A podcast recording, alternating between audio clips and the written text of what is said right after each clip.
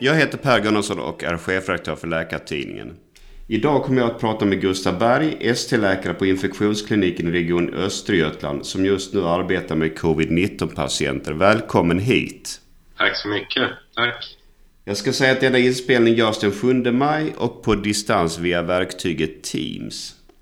Jag har bjudit in dig för att du är en av många läkare som nu arbetar med covid-19 patienter och jag är nyfiken på att höra vilka reflektioner du har kring den nya vardagen på arbetet. Men vi börjar med lite om dig själv. Hur gammal är du och hur har din läkarkarriär sett ut så här långt? Jag är eh, 26 år. Jag har jobbat eh, på infektion sedan i december då jag varit färdig med AT'n. Ehm, den gjorde jag i Karlskoga eh, av alla ställen. Och ehm, jag eh, studerade här i Linköping där jag också jobbar nu då innan jag tog examen vid årsskiftet 2017-2018. Ehm, så det har varit eh, en, en spikrak väg från examen till AT och nu till ST-produktion då. Mm. Jag fick en, en rivstart kan man säga på, på den STn. Ja, det får man ju säga. Du, eh, om jag förstår det rätt så har kliniken verksamhet både i Linköping och Norrköping.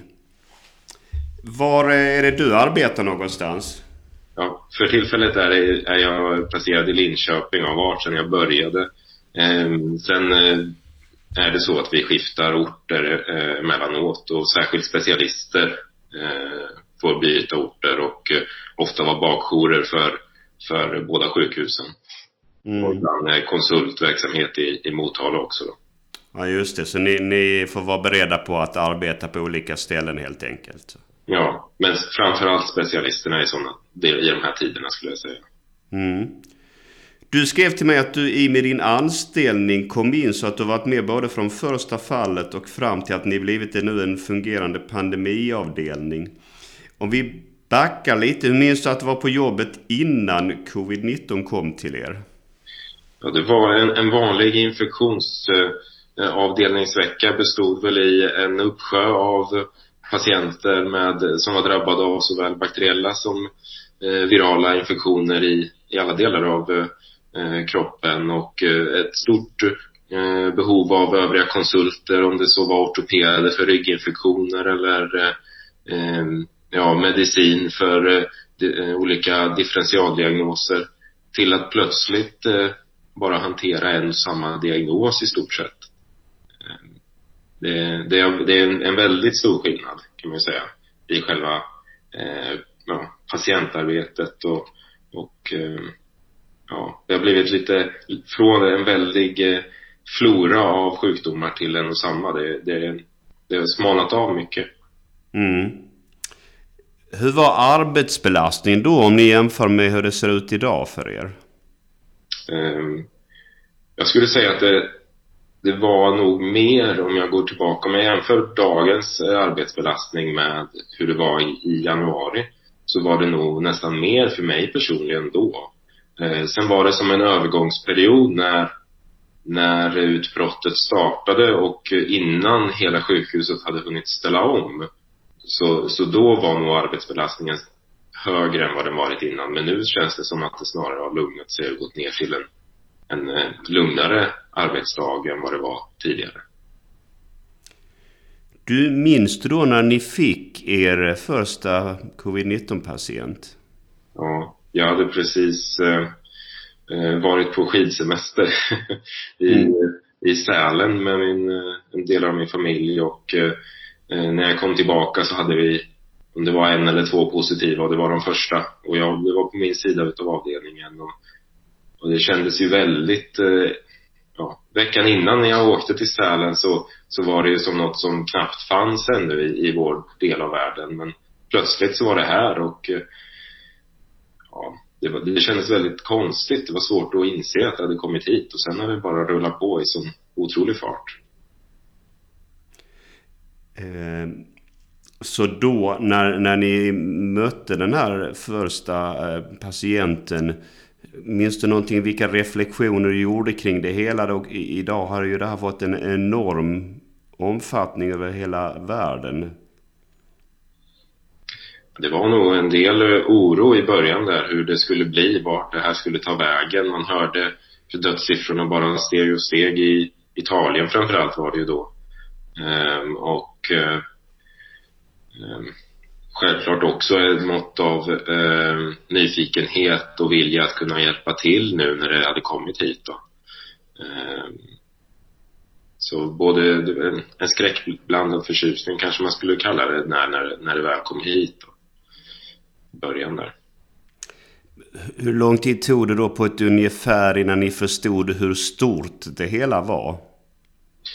Vi hade ett par eh, specialister på kliniken som eh, redan från start har varit inställda på att det ska bli eh, så här stort som det har blivit. Så, så det har hela tiden känts som att kliniken på grund av då, eh, vissa personer legat steget före. Så fort som det började komma hit så, så pratades det om eh, att eh, bygga delar av avdelningen till kohortvård, att eh, köpa in mer hållbar skyddsutrustning och allt det har ju liksom satts i bruk nu eh, sen flera veckor tillbaka. Men det startade liksom nästan innan att vi fick den första patienten till och med. Mm.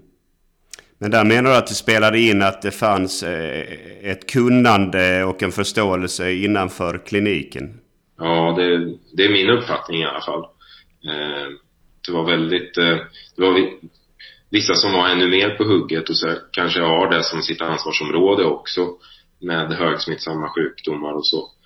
Eh, som eh, hjälpt kliniken, är min upplevelse, att verkligen vara på hugget i början där. Och de att tacka också till att det har blivit så det har blivit ett så välsmort eh, system som det blivit nu på avdelningen. Mm. För det, du upplever det så att det fungerar bra? Ni, ni agerar i, i, lugnt och tryggt helt enkelt i er vardag då? Ja, det är ju, det är ju klart att det har man alltid det, I vanliga fall så vill man ju som läkare hjälpa och vet kanske vad man, vad man kan göra. Eller vem man annars kan fråga för att kunna hjälpa mer. Men det har ju varit en känsla av att det inte finns så mycket att göra för dessa covid-sjuka annat än att stötta dem i, i sjukdomsförloppet. Eh, men eh, eh, det känns ändå nu att eh, vi gör vad vi kan och eh, eh, har vant oss lite vid sjukdomsförloppet och försöker ligga steget före hela tiden. Mm. Du, ungefär hur många patienter har ni hos er nu? Vet du det? Jag tror att det är en 20-tal på vår avdelning. Jag är inte insatt i hur det ser ut på, på huset i övrigt. Och vilka patienter är det då, eh, om man ska beskriva det i lite generella termer, som hamnar hos er? För jag tänker en del går väl till intensivvården? Mm. Systemet här har väl byggts upp som att vi har på, på infektion nu bara covid-positiva patienter sen en tid tillbaka.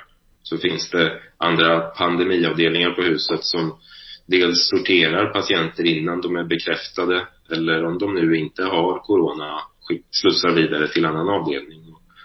Eh, och så finns det intermediärvårdsavdelning för de som är närmare intensiven, även om vi på infektion också har många svårt sjuka och ofta får patienter gå direkt från oss till intensiven när de plötsligt försämras i sin respiration framför allt.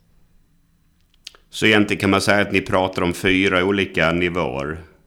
Ja, li ja lite så. Mm. Sortering, eh, och sen eh, flytt till eh, antingen våran pandemiavdelning och sen har kardiologen några pandemiplatser eller intermediärvårdsplatser för de svårare sjuka och eh, intensiva.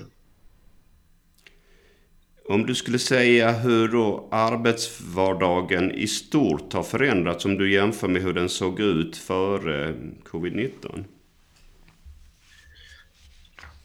Jag skulle säga att innan var det mer ett mer funderande på, på ronder, mer eh, det här vanliga infektionstänket att man kanske leker detektiv och försöker lista ut vad det rör sig om.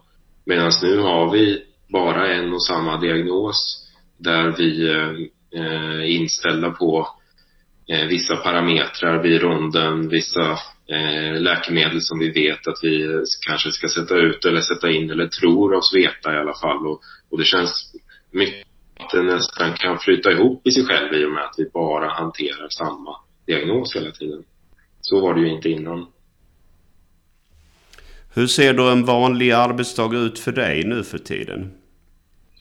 Ehm, vi har kvar våra morgonmöten eh, på kliniken så vi ses eh, om morgnarna och ta tar lite rapport från eh, den som jobbat natt på avdelningen. Eh, vi har AT-läkare som går extra nattpass hos oss numera.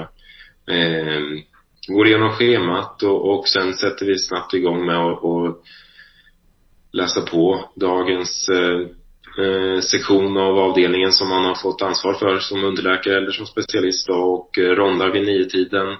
Eh, efter det tvättar vi våra eh, tiki-masker som vi använder. Det är som en, en, en mask med ett, eh, ett eh, bra partikelfilter som vi eh, sedan använder när vi går in i kohorten och rondar våra patienter. Och, och eh, så träffar vi dem som vi gör annars också. Eh, inget eh, annorlunda annat än att vi kanske får höja rösten lite för det är som en fläkt i den här masken som, som stör ljud. Ja, det låter ju lite. Ehm, och när vi rondat färdigt, eh, precis som vi gör i vanliga fall också, så, så går vi ut och eh, sätter oss och kanske ringer lite konsulter, eh, förändrar ordinationer, skriver remisser, vanligt underläkarjobb. Med skillnaden då att man måste komma ihåg att hänga av sig den här masken vi har haft och sprita av den och, och hänga den på utplats, utsatt position. I, ifall man behöver gå in igen så använder man samma mask. Den är liksom personlig under arbetspasset. Hur har ni det annars med skyddsutrustning hos er? Har ni tillräckligt? Ja, jag har inte upplevt någon form av brist på något sätt. Jag är inte heller insatt så jag kan inte uttala mig riktigt men Eh, det har alltid funnits. Va, vad är det då om du skulle säga som är utmaningen i arbetet nu jämfört med tidigare? Um, ja, det, dels är det utmanande att se till att man inte blir för eh, det får inte bli slentrian bara för att man hanterar samma patienter hela tiden. Eh, att, att det är samma diagnos om och om igen. Man måste komma ihåg att det är en människa bakom den diagnosen precis som innan. En, en, var, är ju varje patient unik och det måste man försöka påminna sig själv om hela tiden trots att det är samma diagnos upprepat. Och, och sen är det ju också en utmaning i att se patienter bli sämre, eh, svårt sjuka, kritiskt sjuka och flytta till intensivvård eh, utan att man egentligen har så mycket att, att erbjuda dem när det förloppet kommer kan det ofta vara stormande och eh, ja, det är tufft att, att inte ha några verktyg och känna att man kan ta till annat än att kanske höja syrgasen på högflödesgrimman eller så. Är du orolig för att själv bli smittad och sjuk? Nej, jag är inte så orolig för min egen eh, hälsa. Det är klart att man ska ha respekt för den här, men, men vad jag vet är jag inte en riskgrupp, så Eh, jag är kanske mer orolig för mina föräldrar och eh, mor och farföräldrar. Mm. Eh, det som även läkare dock har varit inne på kan verka skrämmande. Det är tankar på att hamna i respirator. Är det något som ni har reflekterat över?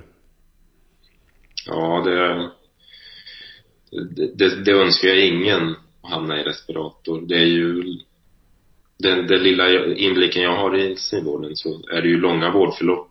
Det tar lång tid att komma ur respiratorn och när patienterna väl kommer ur respiratorn och kommer ner till oss igen så är det ju en lång rehabilitering också. um, så det, det, det önskar jag verkligen ingen och uh, jag har haft en del uh, kollegor som patienter också och det är just med den inblicken i vad det innebär att hamna i respirator så man blir ju extra orolig då. Det förstår jag. Det här att vårda kollegor, det måste väl också vara svårt? Ja. Ja, det har varit eh, tungt i dem. Det har inte varit så många fall. Men, men det har varit eh, eh, jobbigt. Jag har inte haft någon sån kollega från, från samma klinik så, men, men läkarkollegor från andra kliniker har jag träffat ett par. Och det har varit väldigt tungt. Just den situationen och situationen du beskriver med, med svårt sjuka patienter. Hur, hur upplever du att ni generellt inom kliniken kan hantera den pressen som detta utgör? Är ni, går det att upprätthålla ett gott humör eller blir man mer sliten eh, än vanligt? Det är ju ändå något positivt jag tycker att den här pandemin har fört med sig att det känns som att vi alla har kommit närmare varandra, både inom kliniken och inom sjukhuset. Eh, det, det, det, det är svårt att bemanna vår avdelning med vår grundpersonal så det kommer ju eh, såväl vårdpersonal som läkare från alla möjliga kliniker och stöttar oss i, i schemaläggningen och, och alla bara så snabbt infinner sig i situationen. Eh, det är smidigt att arbeta med alla. Det är ett väldigt öppet klimat att prata om sådana här svåra, tunga eh, situationer och väldigt gott stöd från eh, ledningshåll, är min upplevelse i alla fall. Så jag känner snarare att det har fört mig närmre kollegor och både på kliniken och utanför kliniken. Så på det viset så mm, känner ni att, att ni har funnit en välfungerande arbetsmodell och att ni har humöret uppe? Ja, det tycker jag. Det tycker jag absolut. Det här kan ju hålla på ganska länge till. Eh, vad tänker du kring det? Om det blir ett väldigt utdraget förlopp med månad efter månad? Eh, jag känner mig eh, uthållig och vad jag vet så är mina kollegor också uthålliga. Det är i så fall kanske det, det, det tråkiga i att hantera så mycket av samma diagnos och inte få den här eh, variationen som yrket annars innebär som kanske skulle bli mest slitsamt för min del i alla fall. Men annars är ingenting, jag är inte orolig för att jag ska slita ut mig så. Då kanske jag, eh, jag har inte inblick i intensivvården och det otroliga arbete de gör heller. Det, jag tror att de har det ännu tyngre.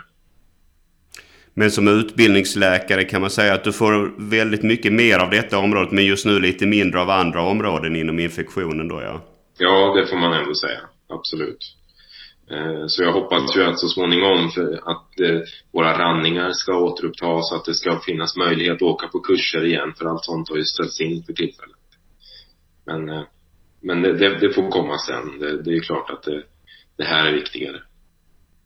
Tittar man på listan över smittade och dödsfall i olika regioner så ligger ni i Östergötland relativt högt. Igår den 6 maj tror jag att, ja, att ni var på plats tre. Vilka förklaringar till det här har ni diskuterat hos er? Ehm, vi har nog inte diskuterat det så mycket alls. Ehm, vi, vi eh, alla är ju medvetna om det såklart, men ehm, sjukhuset har ställt om väldigt snabbt och smidigt och, och hanterat situationen, så det har aldrig liksom det har inte varit så mycket på tal att vi har drabbats värre än någon annan, utan vi har bara jobbat på, känns det som. Mm. Om vi då tittar på de patienter som ni får in, kan du se några saker som förenar dem eller spretar det väldigt mycket? Eh, det spretar väldigt mycket. Vi har ju haft eh, allt från eh, patienter i 20-årsåldern upp till eh, över 90. Ehm, alla möjliga underliggande sjukdomar. Sen vet vi ju, eller har sett lite data i alla fall på de riskfaktorer som vi alla är medvetna om med övervikt och eh, hjärt-lungsjukdomar och kön och ålder och så vidare. Så det, det ser vi väl kanske att det, vissa patienter är mer utsatta och större risk att hamna på intensivvård, eller inom intensivvård. Ehm, men annars har vi haft all, alla möjliga eh, variationer. Finns det något som du tycker att du själv blivit överraskad över när du har sett patienterna? Jag tycker det är eh, påtagligt hur eh, dels den här tysta hypoxin som det talas så mycket om att det, det, det, det stämmer verkligen. Det är många som är till synes helt opåverkade trots sin svår, svåra sjukdom och det, det stora syrgasbehovet eh, eh, reflekteras inte alltid i hur på, påverkade patienterna är. Eh, och så å andra sidan så har jag också lagt märke till många som har beskrivit en en oförklarlig trötthet och eh, eh livsleda och eh, aptitlöshet och, och, och så vidare. Ehm, eh, som nog är, är svår att, att, förstå om man inte själv har varit sjuk tror jag, för det, det är verkligen påtagligt. Går det att peka ut någon enskild åtgärd som är den viktigaste av dem som ni vidtar för patienterna? Nej, det, det tror jag inte. Det är svårt att säga. Faktiskt. Eh, vi vet väl inte riktigt än vad som är rätt och inte rätt att göra. Utan vi gör vårt bästa, men, någon enskild åtgärd har jag svårt att peka ut.